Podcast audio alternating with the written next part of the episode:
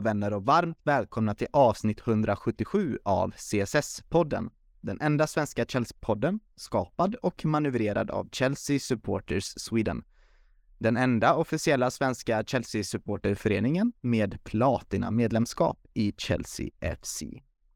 Eh, gillar du det vi gör här i podden så lämna gärna fem stjärnor på Spotify och på Apple Podcast. Eh, vi märker att det växer med eh, massa roliga nya reviews och vi tycker det är jättekul och vi har alltså en ambition att nå 100 styckna reviews på eh, både Apple Podcast och på Spotify detta året. Så hjälp oss gärna med det om du ej har hunnit göra det. Um, och ja, shit, vad ska vi börja? Det var länge sedan nu, det är en vecka sedan och det har ju hänt en hel livstid av händelser sedan eh, ni sist lyssnade på oss här på CSS-podden. Eh, vi, vi har ju spelat mot Fulham, vi har spelat mot Crystal Palace, vi har ju värvat en ja, en ung potentiell eh, storspelare. Vi får se vad vi tycker om honom här i panelen. Och eh, ja, Potter har ju fått en hel del både kritik, men eh, vi märker att han har en hel del stöd utav ledningen och att det kan ske någon slags revolution där på, ja, av truppen helt enkelt. Och jag tänker att med mig att prata om alla de här fyra huvudpunkterna så att säga är eh, en ganska fräsch panel måste jag säga. Det är rösten jag har hört innan, men det är en ny cocktailblandning på den här trio som ska leda er in i avsnitt 177 och eh, först och främst vill jag välkomna tillbaka Jakob Lindström. Skönt att ha dig tillbaka och eh, ja, innan var det ju eh, nästan varje vecka man fick höra din röst och nu kommer du in eh, då och då och kommer med säkert massa sällsynta, unika tankar som vi alla kommer ta stor glädje utav. Välkommen tillbaka! Tack så mycket. Det känns eh, fruktansvärt kul att vara tillbaka igen. Eh, jag har ju till min röst varje vecka i nästan ett helt år. Det kan lätt bli lite uttjatat och får se vad de tycker om dig Patrik sen i slutet av säsongen när de bara hör. Nej, skämt åsido. Eh, jättekul att få köra igen och eh, jag känner att det också börjar bli kul att podda igen. Eh, eftersom man har hållit på med det här i så många år i olika poddar och så har man ju tröttnat på lite grann. Så att men nu börjar suget komma tillbaka lite grann. Så det, det känns som att man bara vill ha mer och mer. Mm, vi var inne på det lite innan eh, vi spelade in här att det, det händer ju en hel del i klubben och det kommer ju finnas oändligt mycket med, med diskussionsämnen Jakob att prata om ja. och eh, det var ju ett tag sedan du var med så du har, du har ju säkert en hel del att eh, säga om vart vi är och eh, vad som händer i klubben.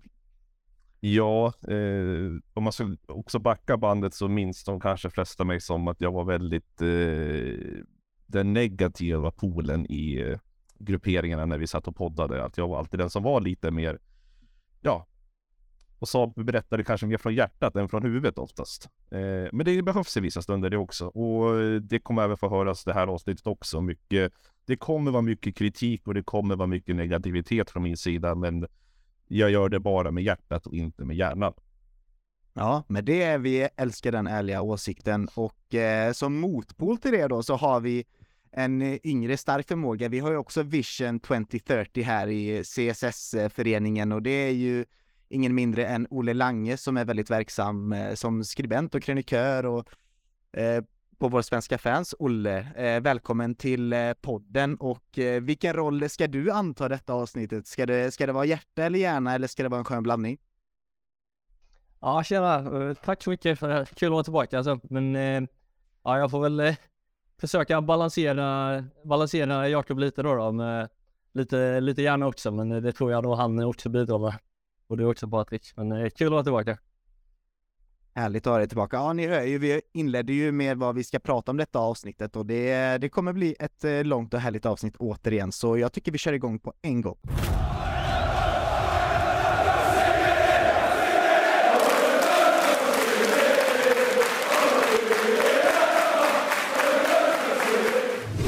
Vi börjar med att snacka ner eh, torsdagens match. Det har ju spelats två matcher sedan sist vi spelade in här och eh, det är ju lite svårt att balansera upp det, för man har ju en hel del starka reaktioner eh, och också färska reaktioner precis efter slutsignalen. Eh, av en fotbollsmatch och det är oftast de eh, känslorna vi vill förmedla, framförallt jag då, det är det jag vill förmedla till er.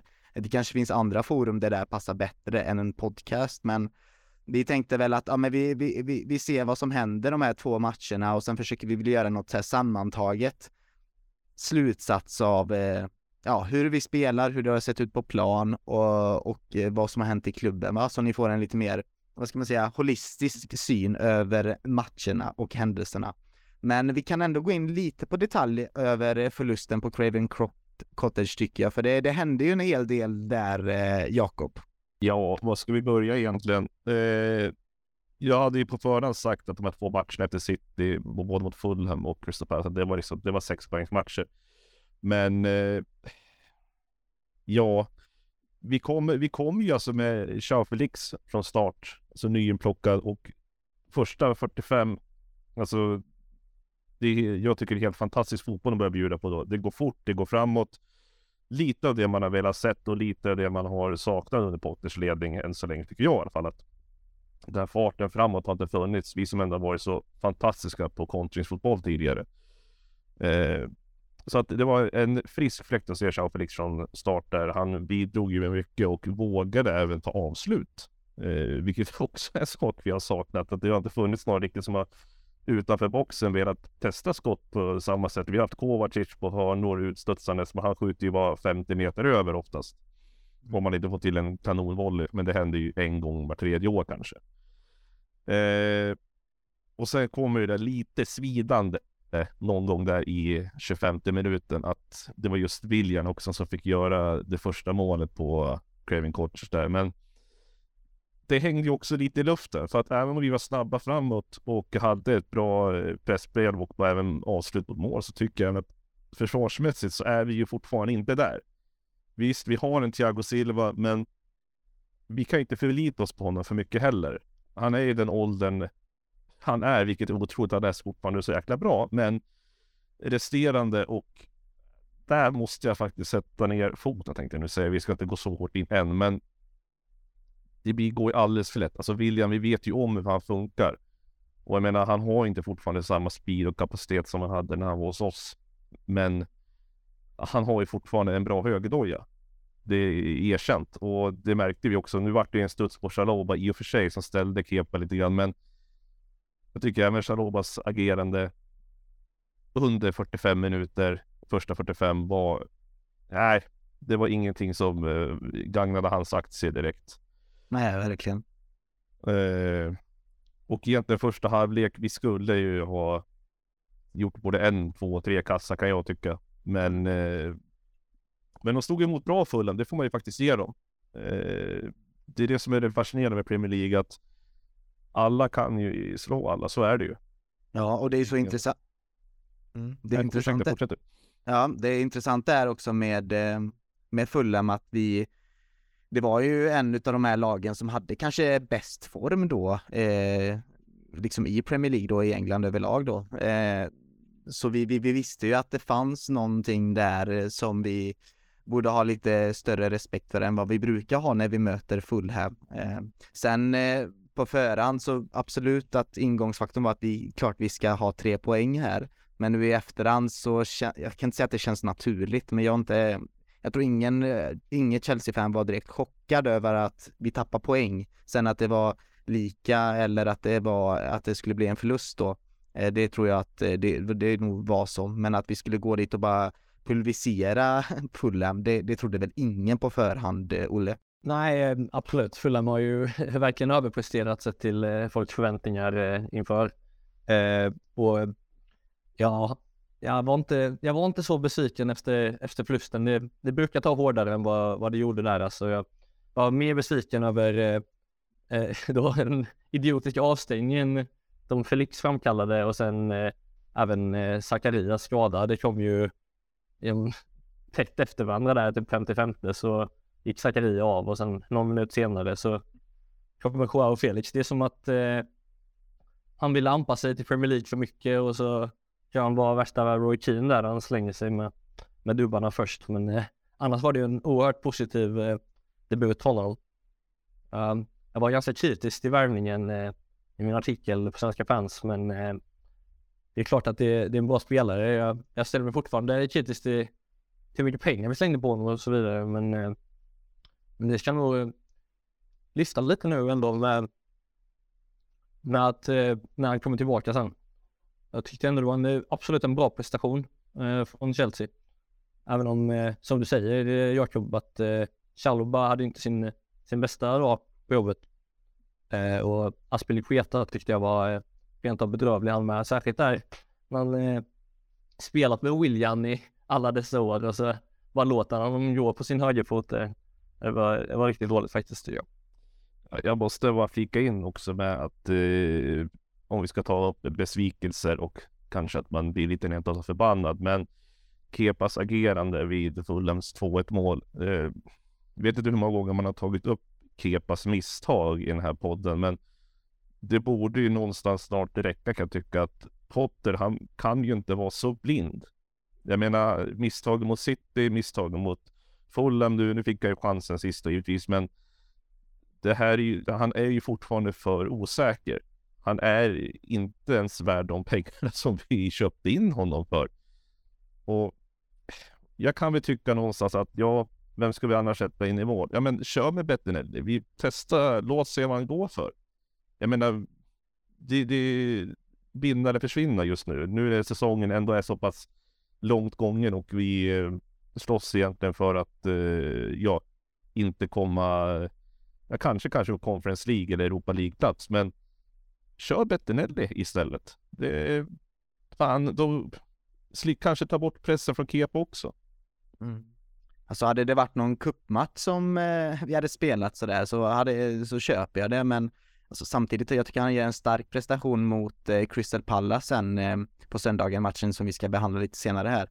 Så ja, Kepa har ju höjden men han har också väldigt djupa dalar. Och eh, ni, ni som lyssnar vet kanske att jag ändå vurmar lite för för Kepa Arrizabalaga och eh, att jag är lite svag för honom men det är eh, jag håller med, det är absolut ingen målvakt som jag vill bygga en framtida Chelsea-trupp kring. Men jag tror vi helt enkelt får bara svälja detta nu och, och nöja oss med att han får, kommer vara vår nummer ett resten till våren. Om inte Mendy kommer tillbaka från sin handskadad och visar på, på bättre form. Men så är det. Men jag tycker vi, det finns några detaljer här vid den här matchen som jag ändå vill eh, lyfta upp och det är ju precis som ni båda är inne på, det är Joao Felix. Eh, han kommer alltså in efter att ha, liksom, han har tränat med laget en session egentligen. Han har haft en träning med laget dagen innan. Och han kommer in, startar och är, om du frågar mig, utan tvekan bäst på plan. Det är han som gör att, ja, ni vet de här spelarna som gör att andra ser bättre ut.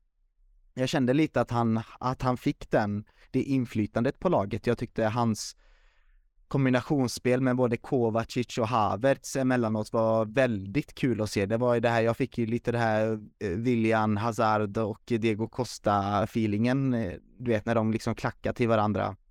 Eh, och Pedro där till med. När de klackar till varandra, gör one-twos och spelar fin fotboll och hittar ytor och ser ut att ha roligt på plan.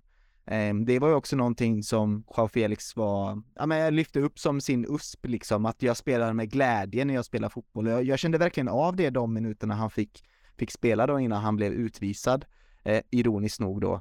Ehm, så ja, alltså vad säger det egentligen om vårt anfall där, Olle? Vad har du några, reagerar du på samma sätt att wow, Joao Felix, vilken injektion, men säger inte det en hel del om det anfallet vi sitter på idag? Ja, det går ju inte att säga något annat än att han eh, var helt fantastisk. Eh, jag tror också att eh, det funkade ganska bra ihop med Mount Havertz och, och Felix. Tror du nämnde det Patrik, att det påminner lite om, om Tuchel där i början när vi hade Mount Werner och Havertz. det är liksom spelare som tar mycket löpningar och, och springer mycket utan boll och eh, byter positioner. Så det blev ett väldigt rörligt och flytande anfallsspel som vi verkligen saknat. Eh, sen om eh, jag är kanske inte beredd att dra för stora växlar om det är klart att vår offensiv har underpresterat men jag vill nog se lite fler matcher innan jag vågar döma ut att Felix skulle vara helt överlägsen alla våra andra spelare. Ja, men det är ändå det att man ger den här boosten tror jag till andra, att de ser, ja ah, nu har jag en ny lekkamrat som verkligen kan, kan spela fotboll. Det, det är nog den, jag, den känslan fick jag av att, ja ah, här har vi en ny lekkompis i våran fotbollssandlåda. Fan vad du kan bygga coola sandslott. Jag vill också bygga med dig. Eh, ja, absolut. Där, där är jag helt med dig. Han spelar verkligen med glädje. Det är en lite här portugisisk känsla där i hans, eh, hans fötter, hans spelstil. Och, eh, nej, men absolut, det känns som att det kan få en positiv anda till våren. Mm. Och då ska vi komma tillbaka ner på jorden lite där och kanske prata om eh, de här mardrömsminuterna som du var inne på Olle och det är ju liksom Zakaria går ut skadad och medan han lunkar ut mot bänken så blir Joao Felix eh, utvisad och där förändras ju matchen totalt Jakob och från att vi var lite mer sprudlande i vår anfall och eh, ja men såg ut som att det har hänt någonting på träningsplanen liksom så så blev det det här rädda Chelsea som vi har fått sett nu det senaste. Ja, och det var en liten halvkul diskussion vi hade innan mässen i gruppen när röda kortet fram, för du Patrik tyckte inte att det var ett rött kort. ja, det var supporten i mig kom fram där. Men eh, jag tror att det inte finns någon här som eh, talar emot det där röda kortet. Absolut inte. Det var ju ganska solklart och det, det är ju ett hjärnsläpp från Felix sida. Men eh, det går inte att ändra på nu, utan vi sitter där vi sitter. Eh, det som förvånar mig mest lite grann är att när det röda kortet kommer och eh, ja, de gör 2-1, då dröjer det fortfarande nästan en, inte riktigt 10 minuter, men i princip 10 minuter innan Potter agerar och gör byte. Vilket jag tycker också är lite fundersamt, för att när det röda kortet kommer där i 58 och de gör ändå 2-1 målet i 73 Ja men under den här tiden hade ju Potter egentligen all jättemycket tid att hitta på någonting, göra någon förändring, märka okej, okay, Felix är ute. Vi måste ha något, Eh, antingen så går vi för 1-1, uh, eh, stabilisera lite grann. Eller chansa lite mer och eh, kanske få in ett eh, möjligtvis segermål. Men det tar ju för lång tid. Det tar ju alldeles för lång tid att göra någon större förändring. Och jag menar, komma, göra ett byte i 79-80 minuter, det är 10 minuter kvar matchen. Du ligger under med 2-1. Vad ska man hinna eh, agera efter? Då blir det att kriga efter 2-1 mål och vi har kommit i den situationen nu. Att vi liksom gör ett fyrmannabyte för att jaga ett kvitteringsmål med 10 minuter kvar mot Fulham borta. Det är, alltså, vi, är inte, vi ska inte vara det laget. Ja, jag håller med och det, de bytena som gör det, det är ju ingen, eh, alltså det blir ingen skillnad egentligen. Kokorea kommer in och gör ingenting och jag, jag minns att jag var jäkligt förbannad över det. Eh, som sagt, hade, ni, hade vi spelat in precis efter slutsignalen så hade ni verkligen fått höra ja, men kanske en annorlunda ton från oss tre, eh, även fast det, det håller i sig hos dig eh, än eh, Jakob, så har jag ändå valt att kanske ta med mig det, det bästa som hände på plan. Eh, och det alltså då framförallt då Joao Felix, så att det finns den här potentialen i Kai Havertz eh, ändå. Eh, ja, jag undrar lite bara vad, vad tänker ni att han, han borde ha gjort då när, när det står ett på bortaplan mot ett eh, lag i bra form? Liksom, för det första så är vår bänk eh, oerhört tung just nu med, med typ nästan bästa startelvan skadad. Sen eh, ska man ens gå offensivt eh, när det står 1-1 och riskera att bli kontrad med 10 man eller eh, säkra upp det bakåt. Det är ju kanske inte helt eh, tydligt för mig i alla fall. Jag har mest bara en tanke av att han kanske skulle ha försökt gjort de här bytena mycket tidigare när de kom. Eh, visst, han sätter in Jorginho där mot Zakaria, men Jorginho är ju den formen han är i och eh, han är en defensiv punkt, absolut att sätta in. Men byte på Gallagher till exempel, det skulle ha kommit mycket tidigare. Eh, jag menar, det tar som sagt från det här röda kortet fram tills bytena kommer. Då hinner det gå så pass lång tid. De hinner göra ett 2-1 mål. Ja, om jag hade varit en matchcoach till exempel, så hade man nog kanske agerat ett över hur spelet såg ut. Eh, två, tre, kanske fem minuter efter det röda kortet. Och känna att ah, men vi måste göra någon förändring här nu. Sätta in en eller två spelare istället för att göra en plan på att sätta in fyra spelare, vilket i mitt tycke resulterat, ja, som vi märkte, ingenting. Eh, så den, den tycker jag att Potter får ta på sig faktiskt lite grann att eh, någon, någon plan måste ju finnas om det händer någonting. Eh, man kan inte gå in i en match med en känsla och känna att ingen spelare blir skadad eller eh, ingen spelare kommer få ett rött kort, möjligtvis två gula kanske. Det måste finnas någon plan B. Vad gör vi om en spelare, eh, om vi blir en man mindre på plan? Det känns som att det måste finnas en tanke med i, i en matchplan för att kunna hantera sådana situationer. Samtidigt så liksom jag förstår Olles poäng där, alltså vem är det som ska komma in och vara denna avgörande supersubben egentligen, men jag, jag är lite inne på båda spår och framförallt det här med att just bytena det, det, är väl känslan jag fick av laget snarare. Det är inte så att bara för man ligger under, eller förlåt, bara för att man har en man mindre betyder det inte att man per automatik går och förlorar en fotbollsmatch när det står lika. Utan man kan fortfarande gå och vinna och vi har sett Chelsea och andra fotbollslag eh, fortfarande ta en vinst med en man mindre. Det är ingenting vi, alltså kom igen nu, vi, vi slog ut eh, Barcelona liksom med eh, en man mindre i 70 minuter nästan på Camp Nou. Det är inte så att det inte att det inte är omöjligt, men det är ju de här, alltså det är eh, 79 minuten, jag håller med dig Jakob, att det kom lite sent, att Louis Hall mot Chukwuemeka, Chaloba går ut mot Kukureya, Kovacic går ut mot Gallagher och Mason går ut eh, mot Ziyech då. Så ja, jag håller med. Hade det gjorts lite tidigare och kanske lite annorlunda, det hade varit kul att kanske plocka in Fofana där eller Aubameyang, även fast jag inte vurmar för honom så han är ändå en goal threat liksom. Men eh, jag tycker att nästa match, alltså matchen som spelades i söndags nästan innehåller mer talking points, så jag tycker vi hoppar eh, direkt in på den. Och Olle, detta var ju alltså äntligen tre poäng va? Och alltså känslan efter Fulham-matchen jämfört med känslan efter Crystal Palace-matchen, så den är ju, den är total. Det är helt otroligt vad en vinst kan göra med ens mående. Nu känns det som att fan, nu kommer vi ta över fotbolls-Europa och det kommer gå bra nu och trust the process och de här tre poängerna mer eller mindre enade majoriteten utav Chelsea-supporterna får jag känslan utav både på fotbolls-Twitter och eh, bland oss eh, CSS-are här. Eh, vi spelade inte fantastisk fotboll, men vi vann och vilken skillnad det gör på humöret.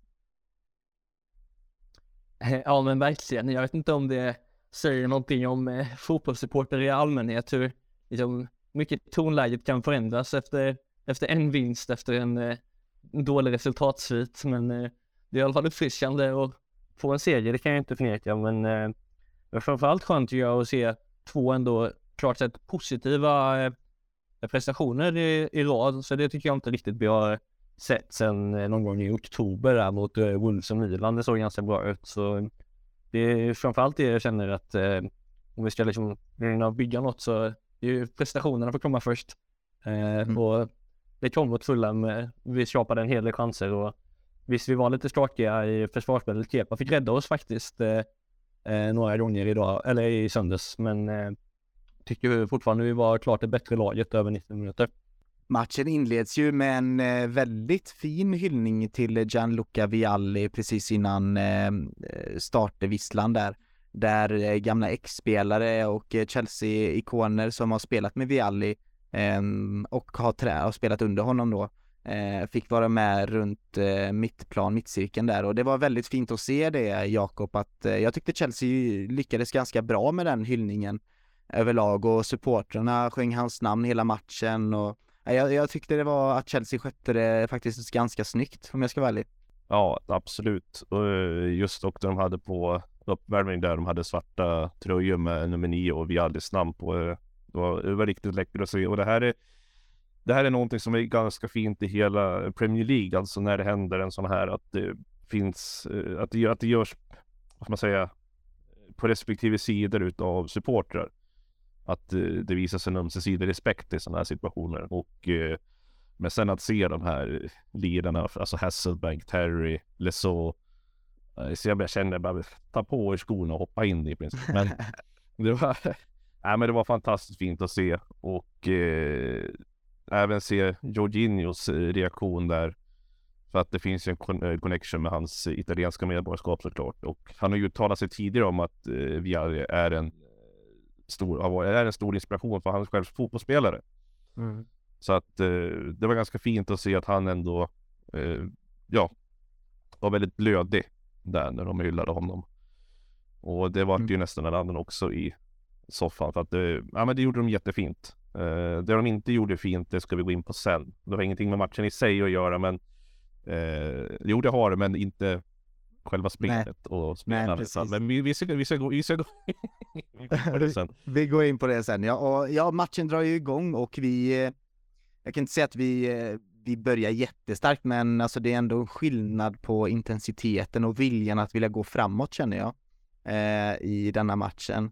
Och eh, ja, alltså i kommentar, i våran liksom vår lilla chattgrupp så riktade jag väl mycket kritik mot Mount under matchen och det var för att jag kände att han gömde sig lite. Jag tror, jag tycker han kommer undan väldigt mycket för det finns så mycket annat att prata om i detta laget. Och eh, ni kan komma och tycka med Patrik, du, alltså du väljer att foka på Mount, det gör du helt fel i. Eh, det kanske jag gör, men eh, jag tycker han kommer undan lite när han inte har, ja men inte, när inte han presterar och när han kör sina felpass. Han gjorde ju, han såg ju knappt Felix också i, i, i första matchen där som vi pratade om mot eh, Fulham. Han hade kunnat slå en avgörande boll till honom så att eh, Felix hade stått i friläge. Den missade han ju totalt. Så jag, jag har en liten så här personlig eh, grej mot Mason Mount nu och det är kanske för att jag köpte hans tröja då eh, för, med årets, eh, årets hemmaställ och tänkte nej nu är han min gubbe. Eh, jag brukar alltid välja någon varje säsong som jag tror lite extra på och i år var det han. Jag trodde att han skulle lyfta detta laget då till, eh, till nästa nivå. Men eh, ja, sen hände ju allt det här med Torshäll och sånt. Men anyway, det ska vi inte gå in på. Men fan bäst på plan, det är ju, alltså vi vinner matchen med 1-0 efter ett efter ett fint nickmål utav Kai Havertz och ett mycket fint inlägg av Hakim Ziyech och där bäst på plan vill jag nästan jag tycker nästan Hakim Ziyech gjorde en, en av sina bättre matcher på länge. Jakob, håller du med mig om det? Ja, ja, ja, jag ska vara tvungen att hålla med i princip. Eh, Men det är det här, alltså, alltså han gillar, han vågar göra misstag, han vågar slå, göra felpassning, han vågar liksom gå framåt. Det, det är ju skönt, det är någonting som inte vi har varit speciellt eh, bortskämda med på länge. Oh ja, oh ja, det, det ska absolut sägas. Jag tänkte jag, tänkte jag skulle lyfta fram eh, en annan spelare faktiskt, Gör det? mitt i alltihopa. Eh, eller som förvånade mig, lite, förvånar mig för varje match egentligen. Men eh, Ziyech, eh, oavsett om han är väldigt osynlig, så tycker jag att han ändå gjorde ett fruktansvärt uppryck. Eh, han, eh, vad ska jag säga? Jag har inte så mycket mer att utveckla på, men utan det var han jag fastnade mest för på den matchen. För att vi, eh, givetvis avgörande bollar såklart, men han, på något sätt lyckas han ändå få åt sig bollen, hålla i bollen. Även fast den storleken på kroppen han har, han har inte den kraftigaste fysiken, men på något vänster så lyckas han alltid kunna få med sig bollen och trycka bort motståndare. Och han ser ju allmänt sur ut hela tiden. Det spelar liksom ingen roll vad som än händer. Men eh, jag skulle faktiskt vilja lyfta fram honom, inte, kanske inte, inte istället. Men, ja men det är Ziyech jag- Ziyech jag menade också. Om inte det... Vad fan? Du, nu hörde jag fel. Ja, nej, men det är Ziyech, jag håller med. Det, det, jag kla- det klappade här, du sa så då tänkte jag att du sa Bantjashil, det var där.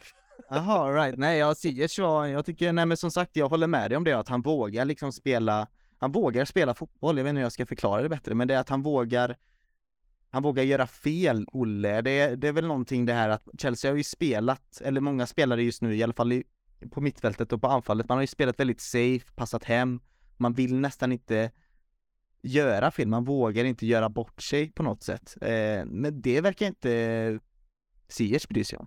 Nej men verkligen, vi har ju spelat eh, riskminimerande fotboll i, jag vet inte hur länge, i alla fall sedan Sadri och eh, ett A.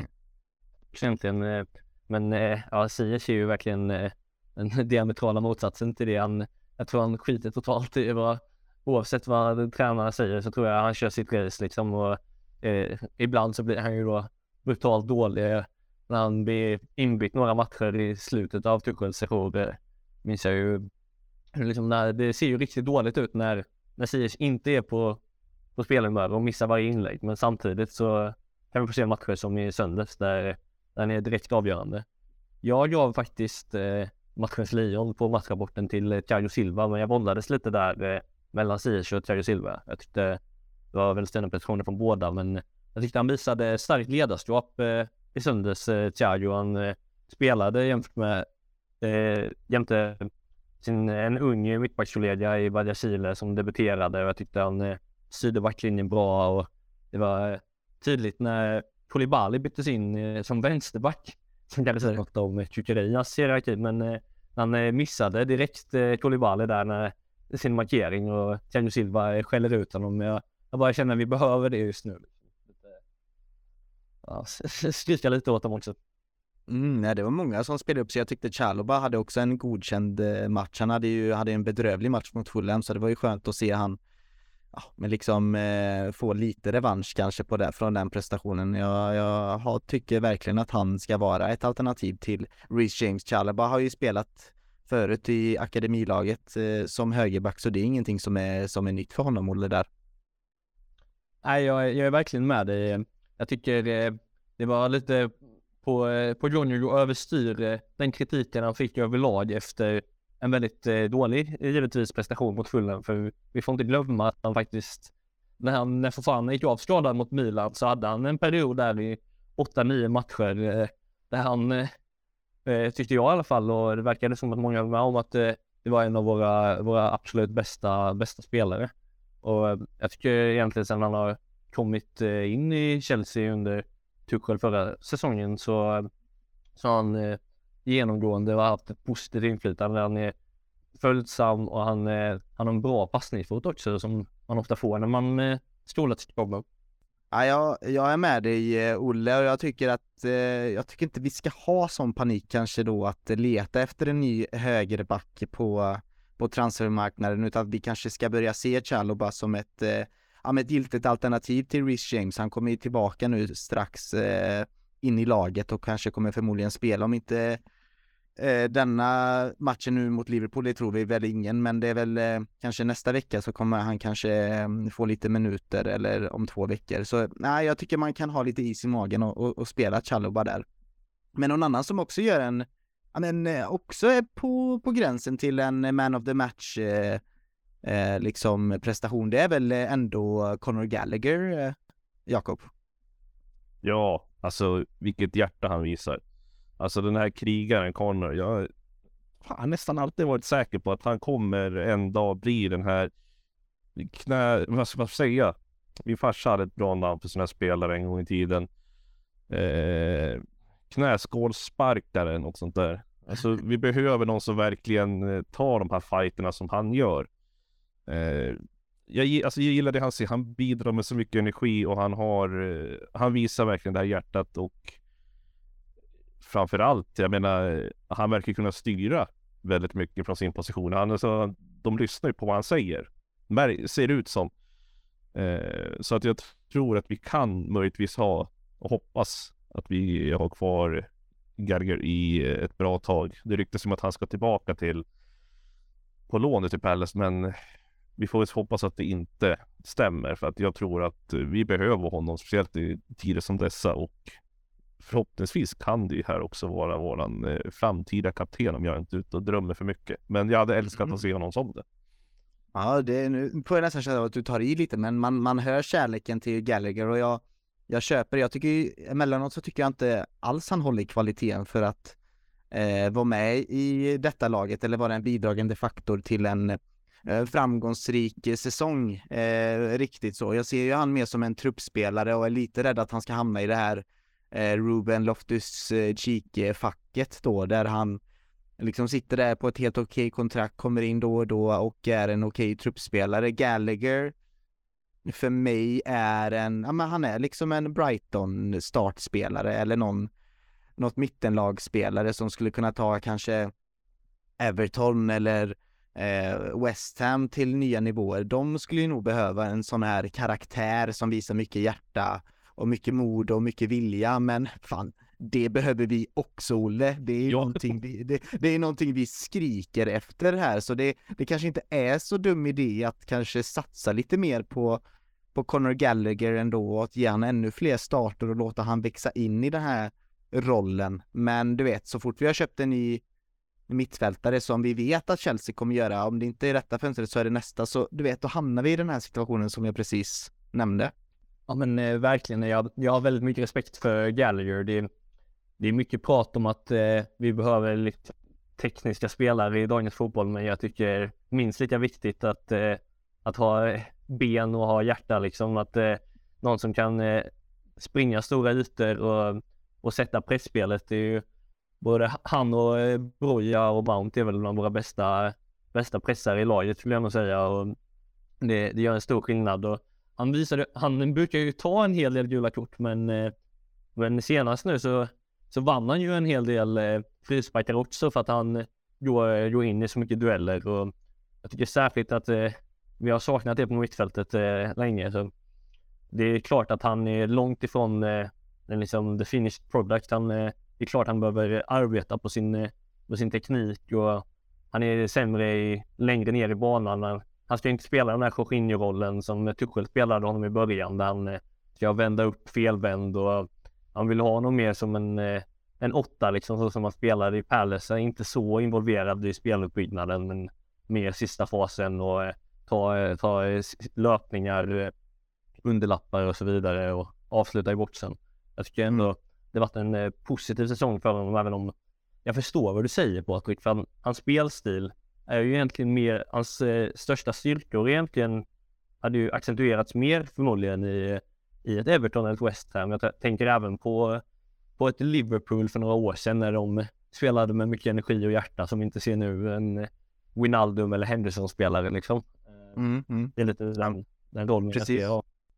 Egentligen ska också flika in en spelare som uttryckte här matchen. Jag menar Jorginho. Eh, det här, jag tror det här, för mig var det här en av hans bättre matcher på väldigt länge. Oftast när han, vi har sett honom så har han varit i den här positionen att han tar emot bollen, tittar upp, tittar upp.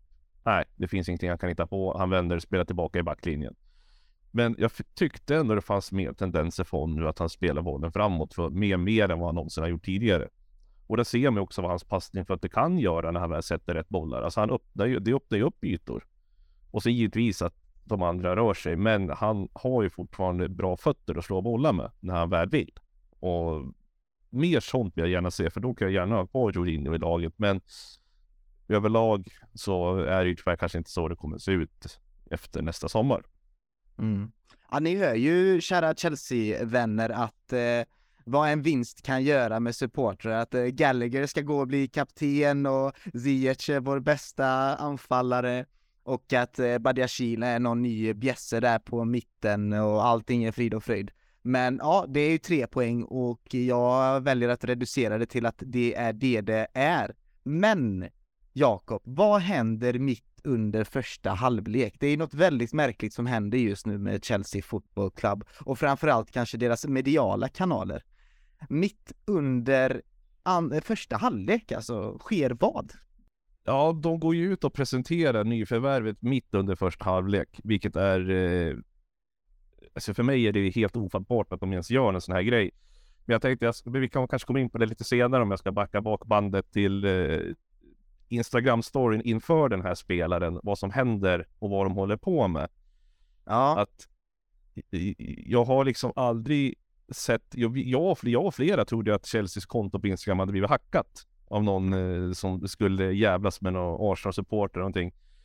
Att de väljer att lägga upp videoklipp på Mudryk nu i från hans tider i Shakhtar då och eh, be folk att följa honom och tagga hans eh, konto liksom i texten. Och inte nog med det, men även lägga in hans konto i eh, själva eh, bion då på Instagram, alltså den här texten som är högst upp. Det här har aldrig hänt och jag, jag, kan, jag, kan inte, jag, jag, kan inte veta någon annan klubb som har gjort det här heller. Eh, och sen som du säger, mitt under första halvlek, att då pushar vi ut det här att nu är jag liksom signad och klar för eh, ett, för mig, hiskeligt belopp för den typen av spelare. Men så ska vi röra oss framåt lite grann nu då. Så det kommer till det allra märkligaste. Och det som ju fick mig att eh, sätta händerna för ögonen och känna vad fan håller Head of Marketing på här? För att det här var egentligen en dag för mig som var eh, tillägnad Vialli. Alltså det är hans, då är hans dag. Och sen välja att presentera ett nyförvärv i halvtid. När supportrarna liksom inte knappt är på plats på läktaren utan oftast börjar de liksom röra sig utåt och köpa någonting och dricka och käka och sådär. Och skickar ut honom vid halvtid med Chelsea tror jag på, och givetvis den ukrainska flaggan då. Och det mottagande han fick, det var inte som att han kände att wow, vilka supportrar som stod här på läktarna, utan det var liksom svaga klappningar och lite, ja men lite glädjerop sådär. Och det här har Chelsea aldrig gjort tidigare med spelare. Så Head of Marketing, jag har ju sett och kollat det här nu eh, lite grann, ansvarig ansvarige för det här. Och det är det här, alltså vi, det här kan vi gröta oss ner i länge, för att det här är en sån fruktansvärd soppa som Chelsea har i eh, den här delen av eh, klubben, just marketingdelen. Eh, jag vet inte om namnet Gary Tweltree säger det eller någonting. Eh, han eh, var, han är väl förmodligen fortfarande Head of Marketing, för det har inte gått riktigt ruska reda på. Men han var ju nära på att bli av med jobbet här i höstas för att han ligger bakom en eh, kollegas självmord inom Chelsea. Det här är nyheter som jag inte hade en enda aning om. Eh, för han är tydligen en riktig översittare och beter sig väldigt illa mot annan anställd personal. Eh, på det här sättet och med nya ledningen så har vi då tagit in, är ni häpna om jag säger det, ett amerikanskt team som ska framhäva Chelsea eh, på sociala medier och liknande. Och det märks. Det märks att det är amerikanskt tilltalande videos och klipp de lägger upp. Eh, inte minst med hur de presenterade Mudryk nu bland annat. Och vad, vad ska man säga? Det som är stil och klassen med fotbollen har ändå alltid varit. Nu på senare tid när de presenterar nyförvärv, då har de gjort en liten flashig film för att uh, presentera spelen.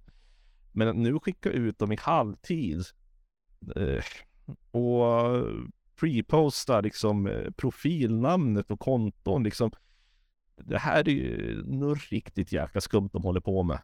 Och desperation kan jag tycka också. Antingen så är det någon lustig kurs som har kommit på att ah, perfekt sätt att jävlas med Arsenal-supportrar på.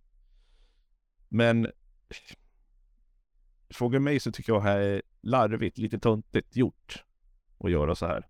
Mm. En spelare ska göra, en spelare ska göra entré på arenan, då ska spelaren göra det i första matchen som den spelar, inte innan. Slutpunkt. Ja, jag är, jag är helt enig. Jag tycker du tar upp mycket bra och jag, jag tycker det är, det är fel på, på så många nivåer det här. Och det känns som om du kommer som ägare för en klubb i en helt annan världsdel så får du ju lite anpassa sig till, till den fotbollskulturen och det här liksom att presentera det halvlek, det är som en sån här eh, amerikan NBA-match eller någonting när det ska vara liksom eh, underhållning i paus liksom. Det, det känns verkligen som att, ja, ibland känner jag mig orolig över det mer sportsliga med ägarna, över att man eh, de värvar allt de ser och vet inte riktigt vad de vet vad de har koll på men, eh, men också det här liksom att eh, lite förstå vad, vad det handlar om och, och representera Chelsea och eh, en liksom eh, anrik eh, engelsk fotbollsklubb liksom. Ja, jag, jag, jag, kan, jag håller med er båda två. Jag, jag förstår inte hur fler inte kan reagera på det här och det, det började precis som du är inne på Jakob, där redan när man liksom pinnar, man kan ju pinna så här post på Instagram när man har liksom de här tre översta bilderna liksom som alltid ska synas på profilen oavsett om man lägger upp de tre högsta bilderna då. Där sitter ju han, det är ju tre posts på, eh, på Modric i Shakhtar-tröja och eh, liksom när han gör så skills och dribblar och gör mål och sådär. Alltså det, det, det, känns som att det är en tolvåring som, eh, så här fankonto, så här Chelsea-fankonto som har lagt upp där. Jag är helt jag blev helt flabbergasted som det heter. Alltså jag, helt, jag kunde inte tro det var sant och jag trodde till slut att ah, men det här måste ju vara hackat. Liksom det, hela den här dealen kanske är hackad. Det är kanske helt fler nyheter vi kommer, eh, fel nyheter vi kommer se. Men nej, då sitter han där helt plötsligt i Chelsea-tröja och ska presenteras med världens största smile eh, på sig i, i soffan där.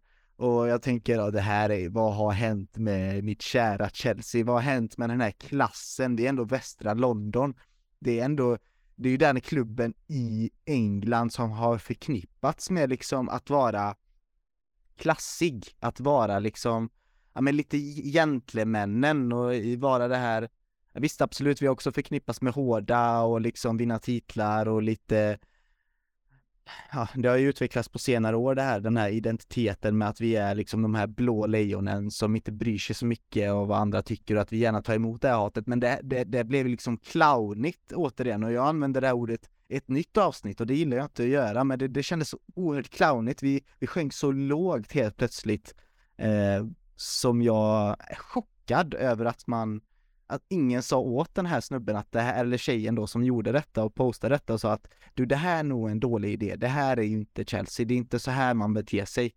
Men eh, nej, och sen den här halvtids eh, introduktionen, det är också superkonstigt. Man ser ju på Modric att han själv tycker att det här är fett obekvämt och inte bara nog med det, han går ju även ut där med liksom Shakhtars president. Alltså Shakhtar Donets president. Hur ofta är det att man köper en spelare från en annan klubb och den, dess vd eller tekniska direktör eller president eller ägare eller vad det nu kan vara hänger med och liksom står där och stoltserar. Ja, ah, vi har precis sålt er spelare till er, varsågod. Äh, det är mycket konstigt detta. Jag ska absolut inte vara fördomsfull, men hade det här hänt i eh, Saudiarabiska ligan eller i Qatar, då hade nog ingen varit förvånad om det hade varit den här typen av prestation av en spelare. Eh, men att det händer inom de här, ja, jag skulle bli förvånad om det hände i Bundesliga och även i eh, Serie A. La Liga, möjligtvis, det skulle kunna vara något sånt där jippo över det hela. Men, de har ju sålt sig själva till, de har ju sålt sig själva ja, totalt. Ja. Till djävulen tänkte vi säga, men det gör ja. inte. men eh, nej, alltså så att eh, marketingdelen i Chelsea får verkligen tänka om efter det här. Och för det känns så suspekt också att de har valt att göra det just nu. Varför har de inte gjort det för tidigare spelare för? Finns det någon koppling där med att, ja men, skriv på för Chelsea så ger vi dig 10 miljoner följare på Instagram. Nej men, det, allting känns jättekonstigt i hela det här eh, sättet att tänka på att marknadsföra en spelare som de ska köpa. Alltså ingenting verkar ju vara klart när de började posta allting om honom heller. Så att nej, mm. jätteudda situation. Jag har aldrig sett så mycket konspirationsteorier kring en eh, transferövergång eh, någonsin faktiskt som jag har läst om eh, Mihailo Modric till Chelsea. Men fan, det kanske vi ska lämna till någon annan gång, du vet alla spekulationer. Det kanske inte är rätt forum att göra det. Vill ni gå och läsa massa roliga grejer så skriv bara Modric Conspiracy Arsenal Chelsea så kommer ni läsa massa saftigt och sen kommer ni inte ni kunna sova i natt tror jag. Men fan, jag, jag vill ändå lägga ett lite större fokus på på fotbollsspelaren Modric, Jakob, men eh, du var inte riktigt klar där.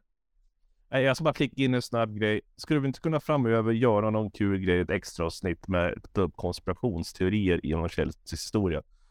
Det hade varit fruktansvärt kul att göra.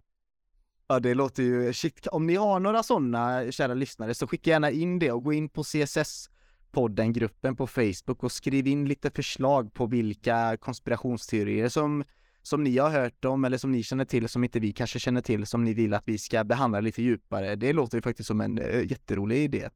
Ja, men Olle, har du något eh, mer du vill säga om den här äh, konstiga presentationen av Modric och hela liksom pengarna bakom och hur dealen gick till och sånt där. Det är ju en väldigt konstig deal eh, också.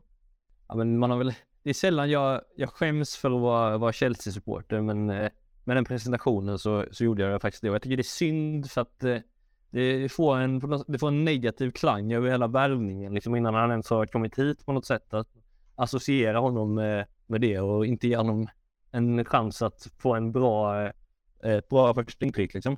Eh, sen eh, mer på spelardealen. man, man tycker det verkar så eh, jäkligt hisnande pris med 100 miljoner euro och 88 miljoner pund. Sen eh, om man läser lite mer så går det att förstå på vissa grunder att dels att det är ett åtta och ett halvt år långt kontrakt.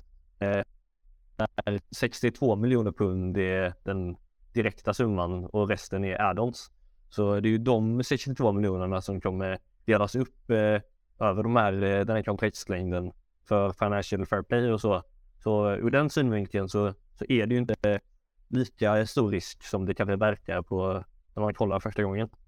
Vi har ju faktiskt en liten, eh, alltså det är mycket de här, de här långa kontrakten då som vi nämnde här och det, det har vi inte bara sett hos Modric, vi har även sett det på Badiashil och André Santos och eh, Datro Fofana har ju också fått de här långa kontrakten och det, det, det verkar ju vara ett nytt sätt att eh, ja, men, eh, bryta liksom fotbollsekonomisk mark där och det, ja, jag har väl känt att det har varit lite svårt. Hur, hur, hur ska man presentera detta? Hur ska man prata om detta? Jag är alldeles för obildad och opåläst på hur det här funkar och visst vi kan gissa oss fram att det handlar om att komma undan FFB och då gissar vi förmodligen rätt men jag känner att jag vill gärna ta in en person som eh, ja, kan uttrycka eh, vad det är som händer lite tydligare och sätta ord på det och eh, mer vad som händer i Chelsea och hur de ser och det visionen de har med hela den här sättet att bedriva övergångar och så. Och då har jag faktiskt eh, glädjen att meddela er då att vi ska faktiskt få in eh, Martin Åslund här eh, som är fotbollsexpert på Viaplay. Ni kan se honom i Premier League-studion och sånt. Eh, tidigare fotbollsproffs då, Martin Åslund. Han, han ska komma med nästa vecka förmodligen i ett avsnitt där han ja, men ska prata lite om hur, eh, jag, jag, jag fick ju en känsla när jag lyssnade på ett Eurotalk avsnitt här nu nyligen att han är väldigt nyfiken på vad det är som händer i Chelsea och hur, hur de bedriver hur de kommer bedriva sin verksamhet framöver. Så det ska bli kul och, och spännande att prata Chelsea med honom eh, faktiskt. Så missa inte det eh, avsnittet nästa vecka. Men ja, jag tycker vi kanske ska gå in på del två istället där vi kan väl istället för att prata om de här dealsen och pengarna, vilket kan bli lite krångligt just nu då, så kan vi väl prata om fotbollsspelaren Mikhailo Mudrik, för det är ändå en stor talang som har joinat oss.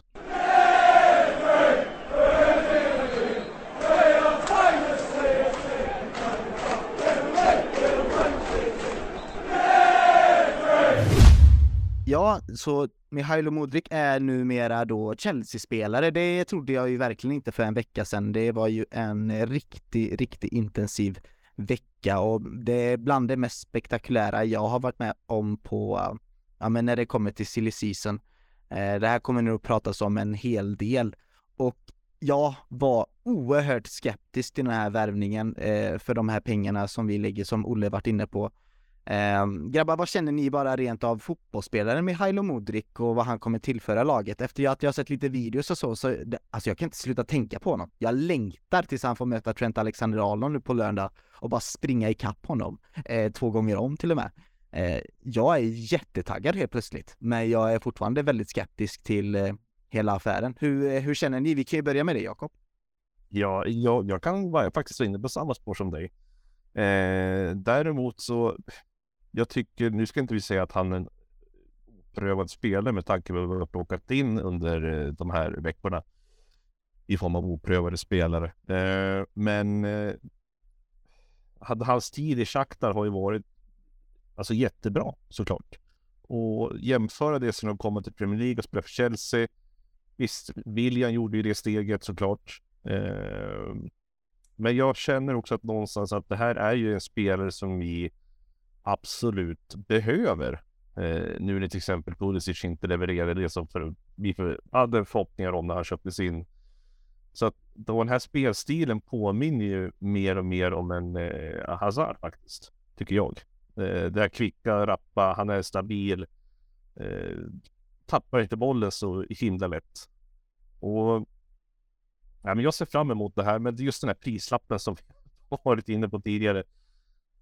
Å andra sidan, nu sitter vi här så egentligen som vi är ju inga experter inom det området vad som kommer till köpa sälj inom toppfotbollen direkt, men allting har ju blivit dyrare, så är det ju. Det kanske är det här man får punga ut när det är en lovande talang i Europa. Jag menar, vi jämför när Gareth Bale gick till Real Madrid, då var inte han en lovande talang, utan då var ju han i princip en eh, världsspelare i toppen här redan. Mm. Men där snackar vi miljardbelopp då. Mm. Och det var ju som en färdig fotbollsspelare. Eh, tittar vi på Mbappé när han gick till eh, PSG från Monaco, det var också liksom över miljarden. Men jag, jag, tror att någonstans är det ju här vi hamnar. Nu hade det varit bra att ha haft kanske en Temmes med här som har de mer juridiska aspekterna i vad som gäller övergångar och så vidare. Men vi får väl se hur det här kommer bära frukt. Jag har ingen förhoppning om att han ska trolla med knäna nu under våren. Det är inte det som är tänkt och jag tror inte han kommer göra det heller. Men jag tror absolut att han kommer bjuda på eh, show då och då. Och mm. eh, förhoppningsvis, eh, som du säger, möta Trent på, på, på lördag. Det, alltså, det hade varit så underbart att förstå drömscenariot. Han gör sin debut och han skickar Trent på läktaren och han gör liksom två baljer. Han, men alltså, man Ja. kommer ju sitta och mysa här nu och bara peka finger åt sina Arsenal-polare. Det är, det är lite kul med Mihailo Mudrik, alltså hans eh, persona. Han verkar ju ha en väldigt så här tydlig ja, inställning till att han, verkar- han, han verkar ha den här proffsmentaliteten redan, Olle. Det är ju den uppfattningen man får när man, nu har jag ju förmånen då att ha en eh, rysktalande fru som kan liksom översätta hans eh, ja, med videos och vad han pratar om och han är ju super, han har verkligen superelittankar. Det verkar som att det är ingenting som berör honom så mycket. Han vill bli bäst i världen, Olle. Och det är ju, alltså bara det är ju någonting. Alltså att man får in en sån spelare som har så jäkla höga ambitioner på sig själv och har lite, ja men lite grinta i sig, lite gata i sig. Det verkar ju som att han har det ändå. Ja, absolut. Eh, jag har också läst om att det är en otrolig mentalitet som man eh, besitter. Man får ju separera spelaren och affären för den ställer jag mig väldigt kritisk till. Men eh, eh, man har ju hört om att eh, ja, men dels så har han ju den eh, delat högsta eh, toppspeeden i Champions League eh, på 36,6 kilometer i timmen. Men, eh, han har ju en eh, personlig tränare och så har de satt upp målet på att han ska komma upp i 40 kilometer i timmen liksom. De, och han, ska, han vill vinna Ballon d'Or och jag har hört att eh, tränarna i Shakhtar de får, eh, de får tvinga honom att gå hem från träningen. Liksom, han stannar eh, timmar efter. Eh, så det är kul att få in spelare med sånt eh, driv. Det kan, det kan inte det intrycket man får när man ser de här eh, eh bilderna på eh, när han presenteras. Då ser han ju inte så motiverad att komma till Chelsea men eh, det verkar som att han individuellt sett är väldigt motiverad för att bli en bra fotbollsspelare. Ja, men det, det, det, jag har försökt luska i det, för som sagt, jag, han, det såg ju nästan ut som att han skulle börja lipa där när han sitter i soffan med, med en Chelsea-tröja på. Han ska bli fotad för första gången i en Chelsea-tröja. Men han har ju, verkar ha haft den här eh, looken då, eller den här typen utav, det, det verkar vara bara så han ser ut. Han verkar alltid ha haft den looken, att han ser ja, men på gränsen till lite ensam och ledsen ut. Det är kanske bara så han ser ut liksom, börjar jag tänka. För scrollar man ner, långt ner i hans Instagram-feed så ja, men han ser likadan ut. Eh, och så ibland hans målgester, det är inte så att han sprudlar av glädje heller, utan det är någon, eh, någon, något superfokus där som bor i honom. Men jag tänker att jag läste en intressant tråd utav CFC Central som vi har eh, pratat om innan här på Twitter. Han är ju väldigt eh, duktig på att göra de här semiprofessionella ja men liksom scoutanalyser utav spelarna och han har även gjort den nu på Mihailo Modric. Ehm, och han har ju även varit med i den här London is Blue podcast där han pratar om det, men utav det jag fick läsa utav tråden så har jag väl brutit ner lite vad han ser för styrkor och svagheter hos Modric och vi kan ju börja med, med, med svagheterna då. Ehm, han har ju lite, det, det han ser då, det här CFC Central, är att han ser lite att han är lite ojämn när det kommer till viss timing eh, då med bollen ibland, även fast han är en duktig dribbler. Eh, sen är han ju inte alls bra på det här defensiva, eh, den, de defensiva duellerna direkt, men det är ju inte där man ska utmärka sig då som winger eller eh, som central eh, attacking mittfielder. Men alltså jag tror ändå att det kan vara bra att öva på det då vi, eh, vi kommer jobba med mycket pressspel. Eh, han är lite hetlevrad och kan eh, plocka på sig lite kort och liksom plocka, han, han orsakar frisparken en hel del. Eh, sen har han väl lite, han är inte den här superkreativa fotbollsspelaren heller, utan kommer han i liksom ett kontringsläge och det är han som driver bollen så, så är han inte alltid bra på att tajma den här passningen då till sina medspelare. Eh, så det är också någonting han kommer få att öva på då. Eh, men tillsammans med Joao Felix och Kai Havertz så kanske det nog blir guld där på de tre på topp. Eh, ja, och sen ska, kan han jobba lite på sin rörelse då helt enkelt. Men hans styrkor här blir det ju, mumma, lyssna här nu då. Alltså han är explosiv i sina, i sin acceleration och sin hastighet. Han är väldigt eh, bra, en väldigt bra dribbler, han gör sin gubbe. Han är tvåfotad. Vi har väl inte haft någon riktigt tvåfotad spelare sedan Pedro om inte jag minns fel. Eh, riktigt kul att se någon som kan ta avslut både med höger och vänster. Eh, och på tal om avsluta så har han jättehög eh, eh, vad säger, statistik då på att få sina skott på, på mål helt enkelt. Eh, och han eh, konverterar eh, majoriteten av sina skott på mål i mål också. Eh, han är bra på att skapa separation och hitta ytor. Eh, men hans kanske starkaste styrka, precis som du var inne på då Olle, det är ju hans, eh, ja, men hans snabbhet. Han är otroligt snabb. Och precis som du nämnde så jobbar man på att få upp honom i 40 km i timmen och jag menar spelar vi mot lag som gillar att spela med höga, hög backlinje då, som Liverpool nu då på lördag, så är han ju ett hot alltså. Han kommer ju vara otroligt eh, imponerande och rolig att se i de matcherna tror jag. Sen ska det bli kul att se när han eh, möter ett mer lägre stående försvar hur han skulle kunna utveckla sitt spel där. Men han är även bra på att ta frisparkar. Och eh, ja, han har ju lite det hazardliknande rörelsemönstret med sin kropp som du var inne på Jakob, att han, eh, han har bra balans också och han liksom, han har bra balans med, med kroppen helt enkelt och han är ganska fysiskt stark också. Så eh, det var en liten lätt sammanfattning om hans eh, styrka och svagheter och när ni hör den här beskrivningen av, av honom som spelare Jakob, vad visst känns det som att vi, vi saknar ändå den här typen av spelare i anfallet och vi, vi sitter och skriker om, förs- om mittfältet här att vi behöver det men det känns ju ändå som att fan vad vi behövde detta ändå. Ja, alltså jag menar.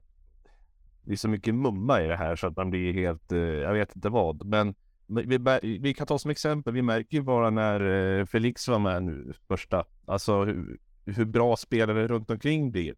Jag menar det var ju otroligt sällan jag sett Havertz vara så, ja, men så löpvillig och så aktiv med bollen och hitta spelare. Det är liksom, det var en helt annan spelare helt plötsligt.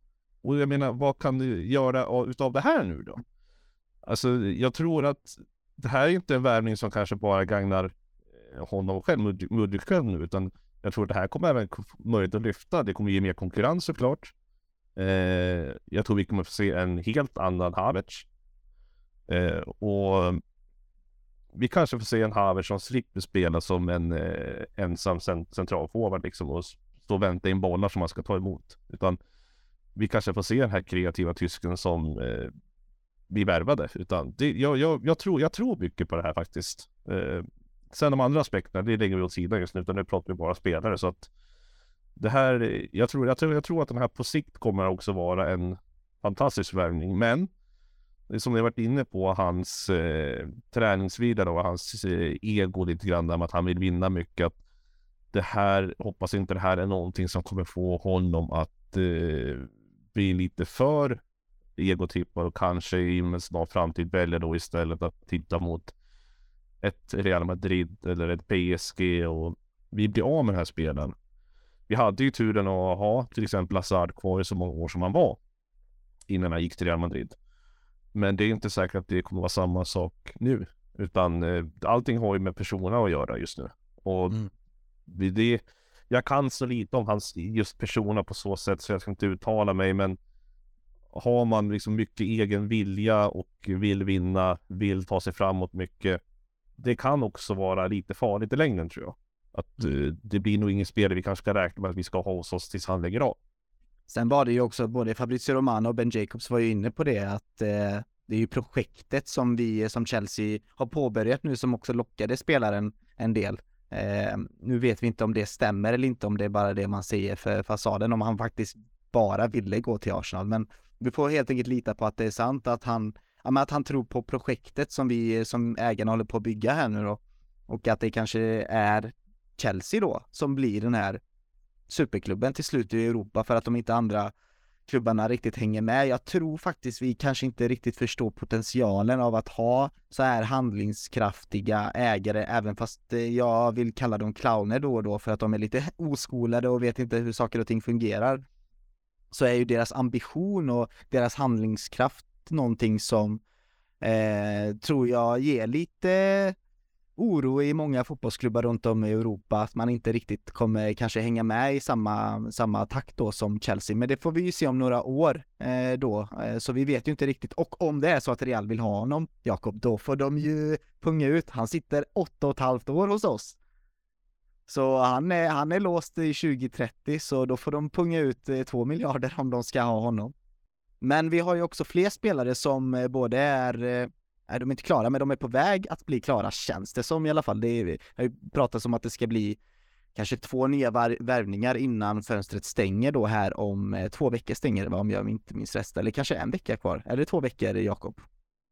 Det är, du har i princip så mycket rätt som det bara går. Det är exakt två kvar från ja, vad bra. Ja, det, jag vet att du ändå har lite koll på vad som händer där ute på marknaden, så jag tänker, vill du ge oss en liten, en liten snabb brief då på vilka fler spelare som Chelsea kanske då kommer få in i, in i laget. Och, innan du börjar, jag tycker det är lite intressant det här med truppen är ju jäkligt, börjar bli jäkligt stor alltså.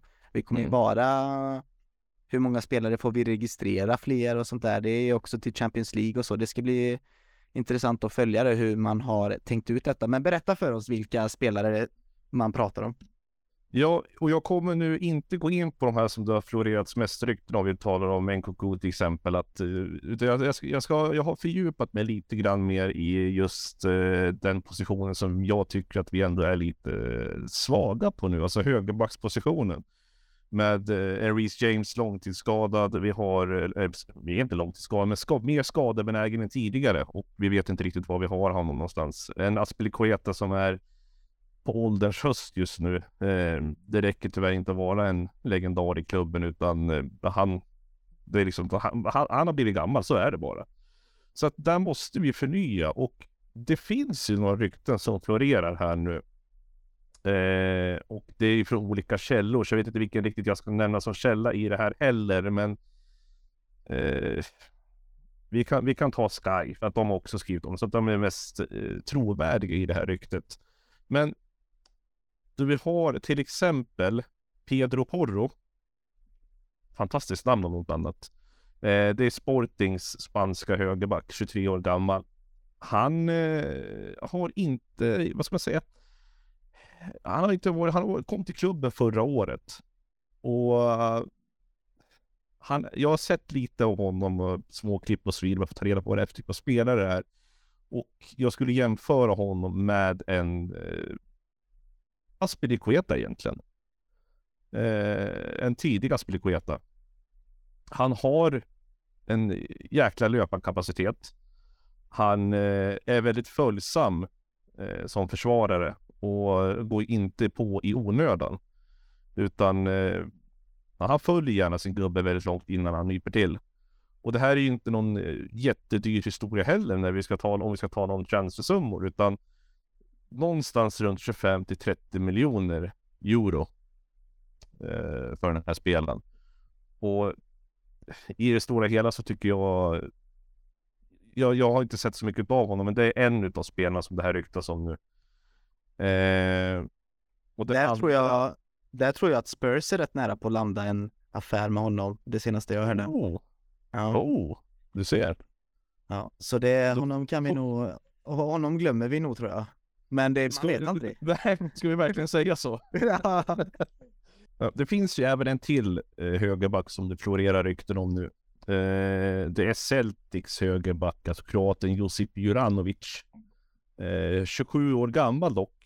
Men eh, det är ingenting värvning som skulle vara på sikt eh, någonting som vi ska satsa på. Men jag tror att det här skulle vara en, ett komplement att ha bakom Reece James till exempel. Nu ska vi inte prata om en ny Zappacosta eller liknande, men eh, jag tror att den här, det är alltså väldigt billig peng, ligger på 10 till 15 miljoner euro i sett till vad vi får för typ av spelare, så att det här tror jag absolut skulle vara någonting intressant att plocka in och tittar man på senaste ryktena så har i och för sig eh, AC Monza gått upp och fått eh, lite florerande rykten om att han ska vara på väg dit. Men Chelsea ligger fortfarande kvar eh, som potentiell klubbadress innan januarifönstret stänger. Eh, så att det är väl de här två högerbackarna som vi har eh, just nu. Eh, ja, under ryktesväg.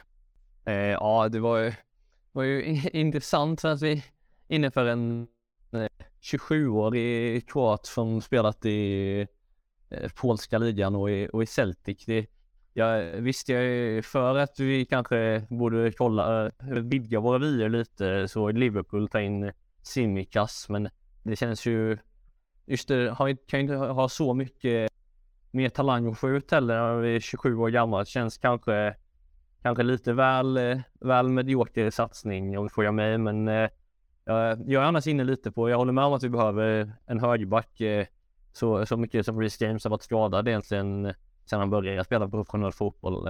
Känns som att hans fysik inte riktigt, han är lite för stor nästan. Men eh, Southampton är ju ett lag som dels har eh, Livramento som, eh, som vi tyvärr eh, fan en av de som grämer mest eh, när vi sålde honom där.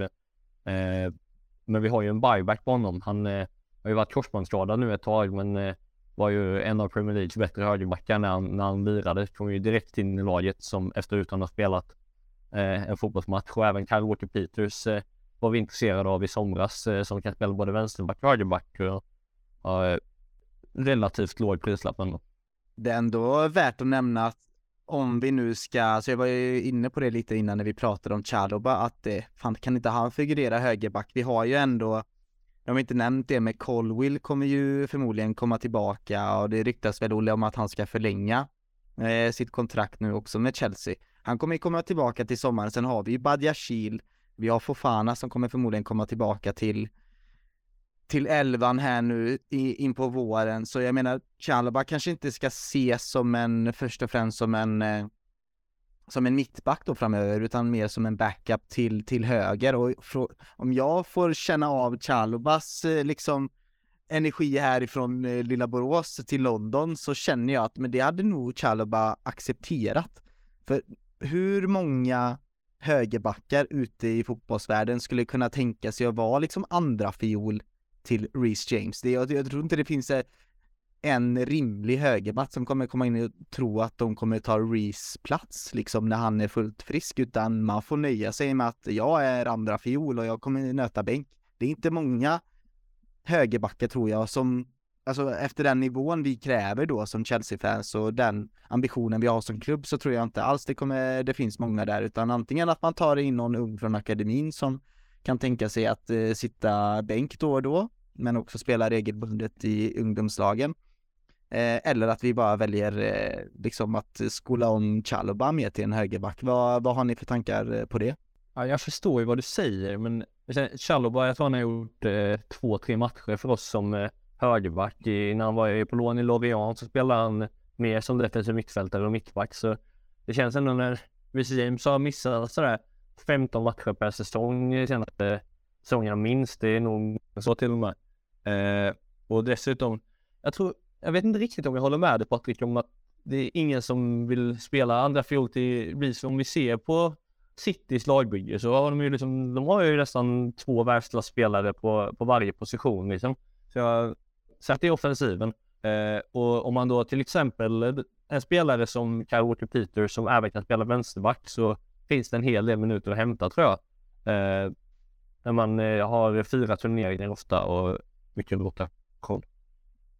När vi har också byggt vårt lag så mycket på, på ytterbackarna. Det är ju en helt annan spelare vi får i Chalova eh, eh, James på högerbackspositionen. Vi behöver få in en ny Juri Kirkov. Det känner jag bara. Nej, men ja, det som ni är inne på det här med att eh, någon som ska vara backup till Reece James. Eh, och därför tänker jag lite grann, det kanske inte är så, ligger någonting dåligt i det här med till exempel Juranovic från Celtic, att han är 27 år gammal. Vi får honom för en uh, spottstyver egentligen. Och som kan agera kanske andra, till och med tredje fjol på högerbackspositionen. Uh, han kanske känner, men vad fan, kommer att köra sista tre, fyra åren i Premier League. Göra något inhopp då och då, kanske starta någon liga, liga eller någon cupmatch. Uh, och inte ses som mer än det. Och på det sättet tror jag att det ändå är en erfaren, hårdnackad högerback vi kan få in. Kanske inte vinstsnabb, men han kan sparka knäskålar, det skulle jag ju tro. Du kan testa kroater är ganska duktiga på utan att vara fördomsfull, men... men... Eh... Nej, men det är lite där jag tror också vi ska titta lite grann att om då så att, vi vet, vi vet inte vad ledningen väljer att göra inför nästa säsong. Väljer de att satsa på Reece James? Eh, har hans skadeproblem varit för stora? Eh, kommer de att fortsätta under nästa säsong? Då måste vi kanske se efter då att ja, men vi kanske behöver att Reece James kommer få vara andra fjol ett tag. Eh, det vet vi ju inte än. Men fram tills dess så tror jag nog att om det ska ske en värvning här i januari av en högerback så tror jag att vi kommer inte köpa någon yngre högerback eh, för att satsa på att eh, konkurrera med Reece James på den positionen. Jag tror inte att Chalobah kommer placeras som högerback Eh, däremot så tror jag att vi kommer plocka in en äldre, eh, erfaren, nu menar jag erfaren inte som eh, spelat i topp topplag eh, i hela sin karriär, utan vi pratar om erfaren som har matcher i benen eh, och som vet vad det handlar om, om att eh, spela fotboll. Ja, jag ska vara ärlig, men jag, jag kan inte riktigt se vad, vad det skulle tillföra i så fall. Vi har ju, om vi vill ha erfarenhet, så har vi ju Aspilicueta, men eh, eh, om, vi nu, om vi nu vill eh, ersätta eller ha in en ny högerback så känner jag att då måste vi ha någon som kan utvecklas och kan spela på sikt. Som det känns, jag ser inte riktigt poängen med att ta in någon i eh, två, tre år när vi, vi har fort vi måste först bli av med Aspilicueta alltså som vi skrev på ett tvåårskontrakt, vilket jag fortfarande inte kan förstå. Eh, så personligen ser jag i alla fall hellre att vi plockar in eh, någon lite yngre eller i alla fall mer etablerad eh, spelare eh, än, eh, än Juranovic. Ja, det är intressant hur tankarna går. Jag känner att eh, man har ju lite trauma efter den här Kukureya-värvningen då som eh, skulle ersätta Chilwell då när han är skadad och eh, jag vill väl inte hitta någon eh, 50 plus miljoners euros eh, högerback som ska utvecklas i laget. Det är bara det jag är lite rädd för att mycket utav våran transferbudget ska gå på en högerback när vi redan har världens bästa högerback känns väl inte. Jag förstår ändå din tanke där med Kyle Walker och Cancelo för det är det du syftar på lite, eh, Olle, eh, bland annat i Manchester City. Men eh, ja, nog om högerbacken. Vi får se om, han, om, de gör någonting nu här innan fönstret stänger eller om det kanske blir en fråga mer till sommaren. Man vill nog avvakta och se kanske också se hur Reece James kommer komma tillbaka från denna skadan. Eh, och om det blir eh, värre än befarat eller om han kan tillfriskas snabbt då. Eh, men vi har ju en till spelare som det kanske snackas mest om just nu eh, i transferväg, ehm, Jakob, och det är ju Moises Caicedo. Mm, den eh, Moises Isaac Caicedo Corozzo, eh, Ecuadoren som hör till i Brighton. Och det här är ju det som ligger egentligen eh, närmast till hands just nu för Chelsea att plocka in. Eller det är det som ryktena som florerar mest eh, av spelare överhuvudtaget. Och eh, det här är ju Moises Caicedo. Vi ska inte säga att han är inte heller så jättebeprövad i Premier League egentligen. Eh, han kom till Brighton eh, 2001 och då var han ändå utlånad också under den säsongen, så han har egentligen bara spelat, eh, vad blir det nu, halva, halva på förra säsongen och eh, den här säsongen då i Premier League. Eh, så att han är ju inte jättebeprövad, och, men det är fortfarande, det är en ung spelare, han är 21 år gammal, ingen eh, jättebjässe på det sättet, ingen Matic-typ kan jag se då, utan men jag tror absolut eh, att man har sett av honom i Brighton. Jag menar eh, både mål och assist. Eh, tar på sig kanske lite onödiga gula då och då, men det är hans roll kan jag tycka. Eh, så att det här är absolut, det här blir kanske rent utav att vi gör en ersättning mot eh, Jorginho förmodligen till att han inte är kvar nu efter sommaren. Då. Jag tror inte att Jorginho går någonstans i januari här. Men eh, Caicedo, absolut. Det är väl det som vi kan förvänta oss kanske blir eh, Chelseas nästa inplock här innan fönstret stänger om två veckor. Mm, det är en väldigt löpstark central mittfältare. Vi har ju pratat lite om honom tidigare i andra avsnitt här i podden, men alltså du nämnde ju det att han gör bra ifrån sig i Brighton. Men Olle, är det någon spelare i Brighton som inte presterar på en bra nivå? Eh, nej, herregud, alltså de är, de är fröjd att kolla på. Det, det är fan roligaste laget i Premier League så fin fotboll de eh, presterar och Caicedo inkluderat. Eh, senast mot Liverpool eh, tyckte jag var helt fantastisk. Och det är klart att det är en spelarprofil som, som vi djupt saknar. Med fysisk och bra duellvinnare och kan positionellt disciplinerad. Kan spela med som en ankarroll också och kan även hitta fina passningar från, från den positionen. En, en snackats om sådär 70 till 75 miljoner pund. Brighton, de är ju, de är ju ruskigt bra på att eh, maxa ut eh, det mesta av sina försäljningar. Så man, man har ju lite PTSD nästan efter Kukureya och eh, vi har betalat dyrt för våra, våra Brighton-spelare. Eh, så vi har också tagit in en hel del unga mittfältare på sikt här med André Santos och eh, Casadei och Chukwemeka. Så man får ju också vara lite försiktig med hur många mittfältare vi plockar in så att de faktiskt eh, vi inte behöver sälja dem innan de är redo att spela. Det känns ju, men eh, det är ju klart vi behöver minst en, eh, förmodligen två mittfältare när eh, i alla fall eh, Jorginho och kanske någon av eh, Loftus-Cheek eller Kovacic också lämnar. De verkar ju vilja förlänga Kanté i alla fall. Det är rätt intressant man tittar på just de här när vi pratar om eh, transferpengar och hur mycket Brighton kan ta betalt sina spelare. Men kollar man rent krasst vad Caicedo var värderad till kanske till, i höstas i oktober, då låg han bara på 38-42 miljoner. Eh, så att det som också triggar upp priserna är ju såklart att det säljs en spelare i januarifönstret. Det tror jag att alla är medvetna om att det här är en spelare som en vital spelare för Brighton som eh, förmodligen kommer försvinna. Och då vill man ju kräva så mycket som möjligt av det alternativt av Bra VM också. Ja, precis. Bra VM. Eh, så att det här, det här siffran, de, jag jämför med det var innan VM då och sen vart det nu efter, eh, nu senast här i början på januari. Så att det har ju stigit såklart. Eh, men summa summarum är ju januarifönstret så gör ju priserna stiger ju oftast med, som jag har förstått det nu om man har läst av så kan det stiga på 35 till 40 procent av vad en spelare egentligen är värd. Och det vet jag inte, det kanske vad vi har fått befara också här i Chelsea med vissa köp av spelare som vi kanske lagt lite för mycket pengar på. Ja men eh, där är jag verkligen med dig. Det är ju notoriskt eh, överprisat i januari och kanske särskilt nu efter en VM-turnering mitt i säsongen där de som har spelat där, deras priser drivs upp ännu mer. Vi såg Enzo Fernandes. Eh, och jag känner ju redan, vi har sprätt iväg eh, 500 miljoner pund på ett och ett halvt eh, transferfönster. Det var lika mycket som Liverpool eh, la på tio år.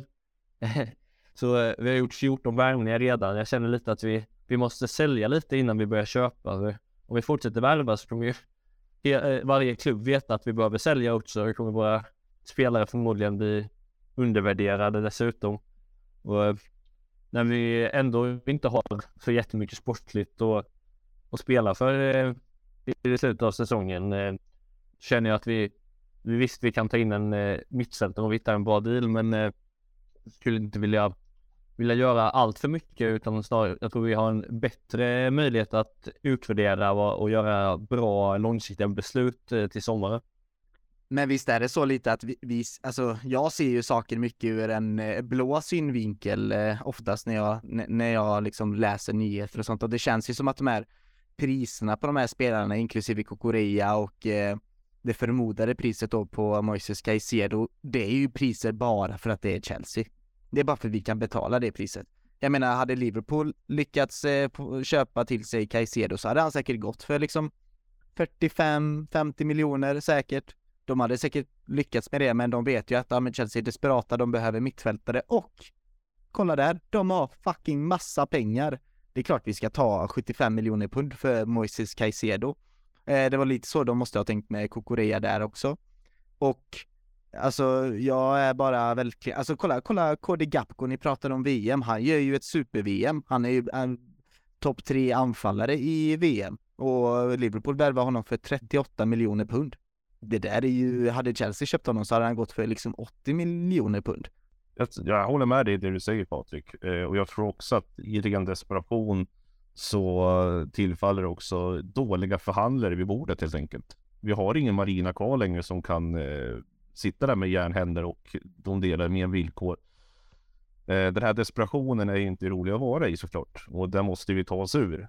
Men jag tror inte vi tar oss ur den genom det här sättet heller, genom att betala de här summorna för spelarna som vi har tvungna att göra. För att nu märker ju andra lagen att åh, de köpte till exempel Kukureira för så egentligen för mig överpris såklart. Men de märker ju de andra klubbarna, ja men vad fan, vi kan ta betalt. Vi, mm. som du är inne på också, Chelsea har pengar. Mm. Så att jag menar, hade vi haft en eh, styrelse där det hade funnits lite, ska jag uttrycka mig, cojones kanske. Mm. Där det hade funnits lite mer att visa fram att vi, behöver, vi, vi betalar inte de här pengarna. Vi har pengar men vi kommer inte betala det här.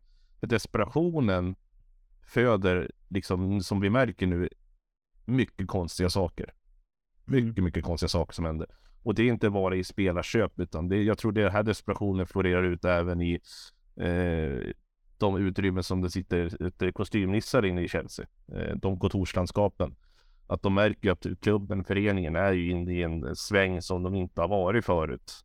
Och eh, jag tror det här kommer någon gång på ett eller annat sätt eh, hoppa tillbaka mot oss. Hur vet jag inte. Men no, man brukar säga det ur askan ur elden. Så att jag tror att vi kan förvänta oss att något drastiskt kommer ju snart att hända på något eller ett eller annat sätt inom Chelsea. Det är jag nästan helt, helt säker på. Ja, jag tänkte lite på samma sak med förhandlingarna. Eh, jag var inget eh, stort fan av eh, Marina själv, men man får ge henne att hon var en jäkligt duktig förhandlare. Och ibland så straffade det oss också när hon ville få ut varje miljon för Batshuayi eller Bakayoko, men eh, det känns ju nu som att eh, eh, Bowley och Eibali, de, du märker ju att de är nya i branschen och inte helt säker på att de eh, har full koll på sina förhandlingar och känns lite som att eh, vi, blir, eh, vi blir utnyttjade av fotbollseuropa.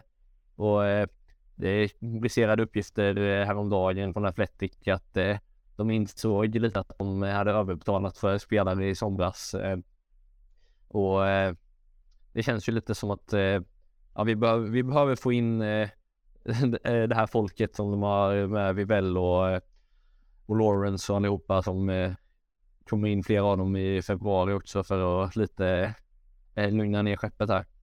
Mm.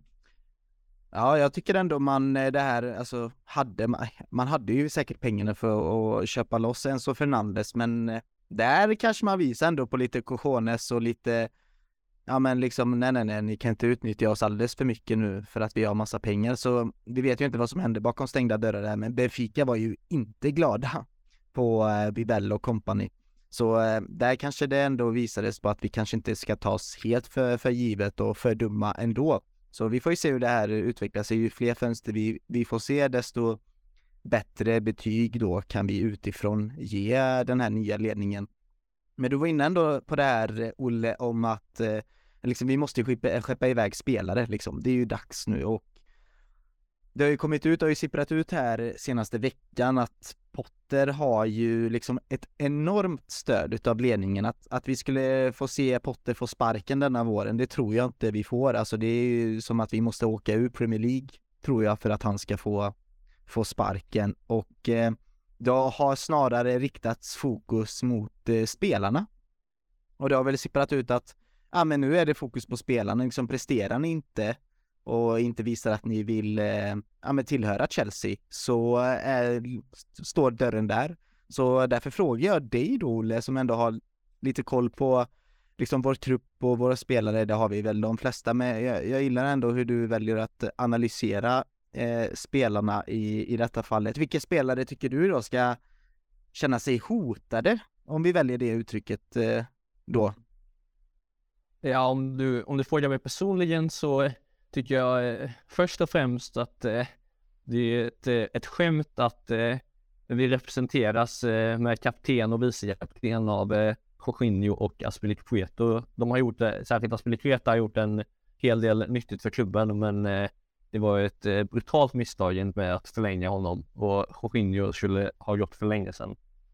Så det är två klara försäljningar. Sen är det klart att offensiven så finns det, det kom från McLaw eh, häromdagen att eh, de är eh, redo att eh, sälja eh, Pulisic, eh, Ziyech, Havertz eh, och även Aubameyang som de tog dit i, i somras. Eh, och jag kan känna mig lite, lite kluven för å ena sidan så har de ju underpresterat. Jag tycker särskilt eh, Havertz eh, verkligen inte har eh, kommit upp i den nivån som hans prislapp eh, eh, förtjänar och han har fått eh, rida väldigt mycket på sitt Champions League-finalmål. Eh, men eh, samtidigt så har jag pratat om det förut att eh, jag har lite svårt att döma våra offensiva spelare för hårt med de eh, mer systematiska problem vi har haft eh, med framförallt eh, genom vårt eh, obalanserade mittfält. Eh, men Aubameyang är väl ett exempel på på där man kanske får eh, cut your losses. Liksom. Det kändes ju väldigt konstigt när värvningen gjordes. Han, eh, efter North London Derby där han höll på att gilla Arsenal-kommentarer eh, och han har aldrig han har aldrig utstrålat någon passion för att vara här och han jobbar inte och jag ser inte riktigt något plus med att ha kvar honom egentligen. Sen har det också snackats om eh, att eh, i den här Matt artikeln att eh, de var redo att eh, kanske även eh, sälja Koulibaly i sommar. Där, där undrar jag lite hur, hur ni ställer er. Jag är lite kluven alltså. Det känns, det känns lite tidigt med det han har presterat genom åren. Eh, men samtidigt så har han ju varit urusel denna säsong. Ja, jag, jag skulle faktiskt, den där listan är inte helt eh, dum, eh, må jag säga.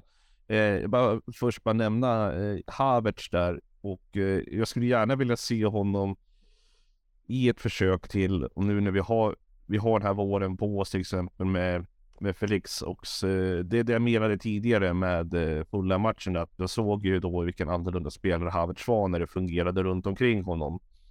Och Havertz är ju en sån spelare som är väldigt beroende av att det funkar runt omkring honom, att eh, han inte blir det tyngsta lasset där längst fram, att han, det är han som ska skapa chanserna på egen hand. Och det här med Koulibaly tycker jag också lite halvintressant faktiskt, för att det är ju jag tyckte att på ett sätt köpte vi honom för sent, kan jag tycka. Eh, vi skulle ju ha köpt honom eh, för en tre, fyra år sedan kanske redan och betalat den här höga pengen som Napoli krävde då. Jag menar, Visst, han är fortfarande ingen dålig mittback. Absolut inte, men han är nog väldigt långt ingådd och inkörd i Italien och Napoli. Och nu kommer säkert röster höjas och säga, ja men Thiago Silva då? Han är ju gammal. Ja, alltså jag tror Thiago Silva har ju ett helt annat eh, tänk i huvudet i den tanken. Och den tanken av person som Thiago Silva verkar vara kontra Koulibaly i professionalism, professionalism eh, så går det ju inte att jämföra dem på riktigt på det sättet. Så att Koulibaly jag skulle nästan ge honom en säsong till i alla fall för att eh, göra en ren bedömning när vi har ett mittfält som eh, kan hjälpa till eh, bakåt, när vi har wingbacks som eh, fungerar mot eh, mittbackarna också. Så att, eh, ja, men Koulibaly skulle jag i alla fall ge ett, ett år till. Det är intressant det med Koulibaly för att, med Koulibaly för han har ändå så här jag har ändå så letat efter ursäkter till varför hans prestationer har varit som de är, men jag kan inte hitta en enda faktiskt. Visst att han har kommit till en ny liga och han han sa ju det själv när han eh, blev värvad att det kommer nog ta lite tid innan jag kommer in i tempot och sådär, så ni kommer inte se kanske det bästa utav mig i början. Men nu har det ändå gått, vad är det, fyra, fem månader sedan han joinade oss. Och jag kan inte se alls att han eh, känner sig hemma på fotbollsplan i, i, i vårt lag och det, det är oroväckande att han eh, inte alls presterar. Den här El Monstro då som man fick se i Napoli, alltså det är ju en liten mus som springer runt där ibland. Han gör ju också en massa misstag. Eh, inte alls, eh, klarar inte alls av tempot emellanåt i vissa matcher. Och eh, det är väl eh, det är någonting jag gillar med Koulibaly som jag kanske skulle vilja ändå visa på att det inte är många mittbackar som har det. Det är hans passningsfot. Ehm, den har han visat upp då och då, men han har ju stått också för många dåliga alltså felpass som har lett till omställningar rakt i baken och eh, hans positionsspel som har kanske varit en av de största styrkorna han har haft tillsammans med sin passningsfot har ju han också eh, liksom tappat helt och hållet. Eh, så jag är lite oroväckad att det har gått så, men jag tycker han är bland de sämst presterande spelarna den här säsongen. Sett till hans eh, ja, med kompetens. Liksom. Vi kan ju inte klandra Lewis Hall för att han har en dålig match. Det kan vi absolut inte göra. Men vi kan ju absolut klandra Koulibaly eh, för att när han har en dålig match, eh, tycker jag. Sen när det kommer till Kai Havertz, så, eller om jag bara får avsluta det med Koulibaly, skulle vi, skulle vi bli av med honom, då sitter jag och tänker, okej, okay, nästa säsong, vad blir vår liksom mittbackspar då, om alla är friska och så? Är det liksom Fofana och Badiashil som är eh, vårt framtida mittbackslås. Är det det? Och sen har vi Chaloba och eh, Colwill då, eller är det Colwill och Fofana som ska vara liksom startspelarna? Det är också väldigt intressant. Eh, jag tror väl kanske på det sistnämnda då, att det blir Colwill och eh, Fofana. Men det är ändå, men då har vi ändå fyra stycken där. Så behövs Kolibali då? Jag vet inte, det är alltid skönt att ha en pappa i mittbacks, som mittbacks, alltså i, i, i det här mittbackslåset, någon som är erfaren, någon som kan mycket. Och ni hör ju att jag inte nämner Thiago Silva, det är bara för att det, det, jag vet inte, jag känner mig så bortskämd med Thiago Silva att han presterar vid denna nivån vid 38 års ålder, han blir 39 i år. Eh, alltså kan vi verkligen räkna med honom med en stark säsong till? Jag vågar inte göra det i alla fall. Så eh, nej, jag är, eh, jag hade inte varit jätteledsen om Koulibaly går, men jag hade ju helst velat att han visar upp sin starkaste sida i Premier League och hos oss. När det kommer till Kai Havertz så håller jag med dig Jakob till 100 procent. Alltså det är Allting handlar om att han ska ha bra spelare runt om sig, att anfallsfotbollen ska flöda runt omkring honom för då är han, eh, då är han ju hur bra som helst och det såg vi ju mot Fulham. Hans kombinationsspel med Jean Felix var ju eh, stundtals väldigt fint att se och vi fick ju se ju det under Tuchel med när han spelade med Werner och Mount där framme. Att det, det fanns ju mycket, mycket fint han, eh, han kan tillföra till, eh, till laget. Så, men som sagt, hade han gått och vi får bra pengar för han så absolut, men Ja, det, det är svårt. Eh, Kai Havertz fortsätter vara en enigma i mitt huvud som inte jag riktigt kan lösa faktiskt. Jag bara flickar in en liten snabb grej där just med mittbacken och Koulibaly. Att, eh, nu är ju sig Koulibaly yngre än det jag tänker på nu, men vi minns ju alla hur bespottad Rydiger var under första tiden i Chelsea innan han verkligen exploderade ut och blev den där bjässen i vårt mittbackspar. Så att jag tror nog att vi kanske är för snabba för att döma spelare i dagens läge också eh, att leva sin. Visst, man kan tänka att det är fotbollsspelare, de ska kunna göra sitt jobb vart de än kommer. Men eh, ja, det är ju också så här, jag tror alla är ju olika på det sättet. Har man varit i ett och samma lag i så många år, man lärt sig den spelstilen hur, och har lärt sig hur laget funkar. Jag kan ju tänka mig till exempel med att eh, gräsmattorna kan vi gå in på till exempel, att det är helt annorlunda, klimatet, alltså, jag tror att det är mycket sådana aspekter också, så att efter en säsong tror jag vi är lite hårdare, eller inte efter en hel säsong ens, men jag tror vi är lite hårdare för att döma där och eh, vi kan nog göra en bedömning samma tidpunkt nästa år skulle jag tro. Vart mm. Koulibaly står någonstans. Men Pulisic har väl gjort sitt eh, ändå, Olle, va? Det, det, det, den är svår alltså. Han, eh, han har ju inte eh, hållit den nivån som han, han gjorde när han kom in och han, han är ju framförallt är ju att han är så oerhört skadebenägen. Nu hade han inte varit skadad ett tag, men det är ju nästan varje säsong som eh, han är borta några månader. Jag tyckte egentligen att eh, eh, under VM och även eh, prestationerna direkt efter VM att, eh, och innan också att man eh, såg en vilja att utmana faktiskt. Och jag minns en match mot Wolves i början av bottensessionen. Eh, såg riktigt vass ut. Eh, jag ser ändå vad han, vad han bidrar med men eh, jag, jag skulle inte bli ledsen om vi gör av med honom i sommar. Januari blir nog svårt när han ändå är skadad. Kort bara grabbar innan vi avslutar. Det har blivit ett, en lång inspelning detta, men är detta, tror ni att detta kan vara en reaktion på att man vill avsluta liksom historiken av spelarmakt som ändå funnits i Chelsea? Ja, men eh, det tror jag. Det, det har lite hängt kvar. Det var ju en hel del spelarmakt på, på den gamla goda tiden, eller man ska säga, när, eh, när Chelsea var bra och eh, de körde ut Di Matteo och Drogba och, och gänget. Men den har lite hängt kvar när spelarkvaliteten har gått ner. Vi har sett eh, tränare få gå som Lampard och, eh, och även Tuchel till viss del eh, på grund av att eh, spelarna haft eh, mycket makt. Eh, de eh, veteranerna, de, eh, de äldre spelarna. Men samtidigt är det de som har kostat oss i många matcher.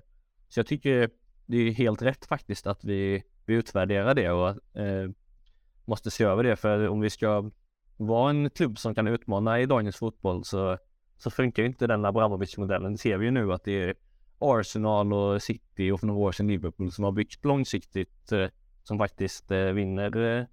Jag Ja, vi pratar om spelarmakt och eh, spelarmakt, det där kan man dra nästan också ett helt avsnitt om hur det har fungerat genom alla år. Men eh, för att kortfatta det så att eh, absolut, jag tror det här kan vara ett sätt att få ur eh, Romans eh, eh, händer och fötter ur Chelsea på ett sätt att hans skugga ska liksom försvinna lite grann. Att de visar att det här är det nya Chelsea och på så sätt få in ett ungt friskt gäng av spelare som kanske inte har eh, så mycket erfarenhet att säga till om i omklädningsrummet. Men eh, som sagt, jag tror att det här kommer slå tillbaka på oss och bita på oss eh, på ett eller annat sätt. Hur vet jag inte. Men eh, ibland är det också bra att ha lite kommentarer från spelarna att det finns lite starka viljor i laget. Så är det. Men fan Aspilqueta, han har ju glömt av att spela fotboll känns det ju som. Så han eh, får gärna gå. Vi behöver en ny högerback, eh, har jag bestämt mig för nu helt plötsligt här mitt i avsnittet. Eh, Ja, men grabbar, det var, det var allt för idag. Alltså tack, eh, stort tack för att ni ville vara med, Jakob. Det var jättekul att du ville, ja, är tillbaka. Ja, stort tack själv för att jag fick vara med. Det, det är kul det här och det kommer säkert bli fler gånger här nu på våren för att nu börjar man få tillbaka geisten i det här igen och eh, känner att det är roligt. Och som ni märker, det drar ju ut på tiden så inåt. Mm. Ja, det, du ser ju vad tre poäng kan göra. Nu är det helt plötsligt kul att prata Chelsea. Olle, börjar du känna dig varm i eh, podcastkläderna? Ja men lite så, andra avsnittet nu. Det, det är kul att vara med. Hoppas det kan bli fler framöver. Det tror jag det kommer bli. Stort tack för att du ville vara med och eh, stort tack till dig som har lyssnat också. Gillar du vad vi gör eh, och vill vara med och påverka innehållet i podden? Kommentera vilka spelare du vill se lämna eller vilka spelare du vill se komma in eller eh, ja, kommentera vad vi hade för tankar och reflektioner så gör det i CSS-podden-gruppen på Facebook. Ett annat sätt att bidra det är ju att ja, liksom vi ska ju bygga upp den här Youtube-kanalen igen. Nu är det ju några faktiskt som har hört av sig som vill vara med och eh, bygga upp den här Youtube-kanalen på nytt då. Eh, det, vi söker fler, så kom in och liksom var inte rädda att söka. Ni kan hjälpa oss med vad som helst. Det kan vara lite redigering, det kan vara lite manusförfattande eh, kring det. Vi vill skapa, skapa liksom korta, snabba nyheter kring klubben och lite eftersnack och lite försnack ibland och det ska vara liksom lättsamt och enkelt. Så vill du vara med i den delen utav CSS-föreningen så var det, för vi, eh, vi, vi vill satsa och eh, vi vill att de som älskar Chelsea ska synas och höras. Gå även in på vår svenska fans på svenskafans.com england Chelsea där du kan ta del utav matchrapporter, analyser och krönikor. Och eh, ja, Olle, du nämnde ju att du var väldigt hård där i en artikel mot eh, Joao Felix och du var väldigt skeptisk. Bara, eh, jag vill bara ta tempen på det snabbt innan vi stänger avsnittet. Varför var du så skeptisk? Varför kom känslorna ut så kraftigt ändå i den artikeln? Det var ju väldigt, det var ju väldigt kul att läsa det, för det liksom, det, det saknas lite jävlar anamma hos oss Chelsea-fans också. Vi, är, vi, vi kan acceptera att saker går, går lite dåligt ibland och så blir vi tråkiga, men du fan, du reagerar. Ja men det var, det bara, det var lite droppen som tippade över här att eh, jag bara kände lite, fattar de inte att eh, topp 4 är över? Vad, vad är det vi ska lägga 15 miljoner eller 10 miljoner pund och 5 miljoner i lön för? Eh, även om det är världens bästa spelare. Ja men det, det visste, han har lite överträffat mina förväntningar eh, sett till, jag visste att det var en bra spelare men jag trodde inte att han skulle anpassa sig så snabbt heller. Men jag ställer mig fortfarande väldigt kritisk till det är liksom fyra månader fotboll här. Bara, hur mycket kan vi få ut av det, det när det inte är någon eh, köpoption heller? Vi får se. Vi ser fram emot att läsa vad du har skrivit om Modbrick om du tycker göra det eller någon framtida värvning. Eh, men gå in och läs eh, Olles artikel. Det tycker jag är värt eh, en läsning. Eh, tack återigen för att du har lyssnat. Keep the blue flag flying high.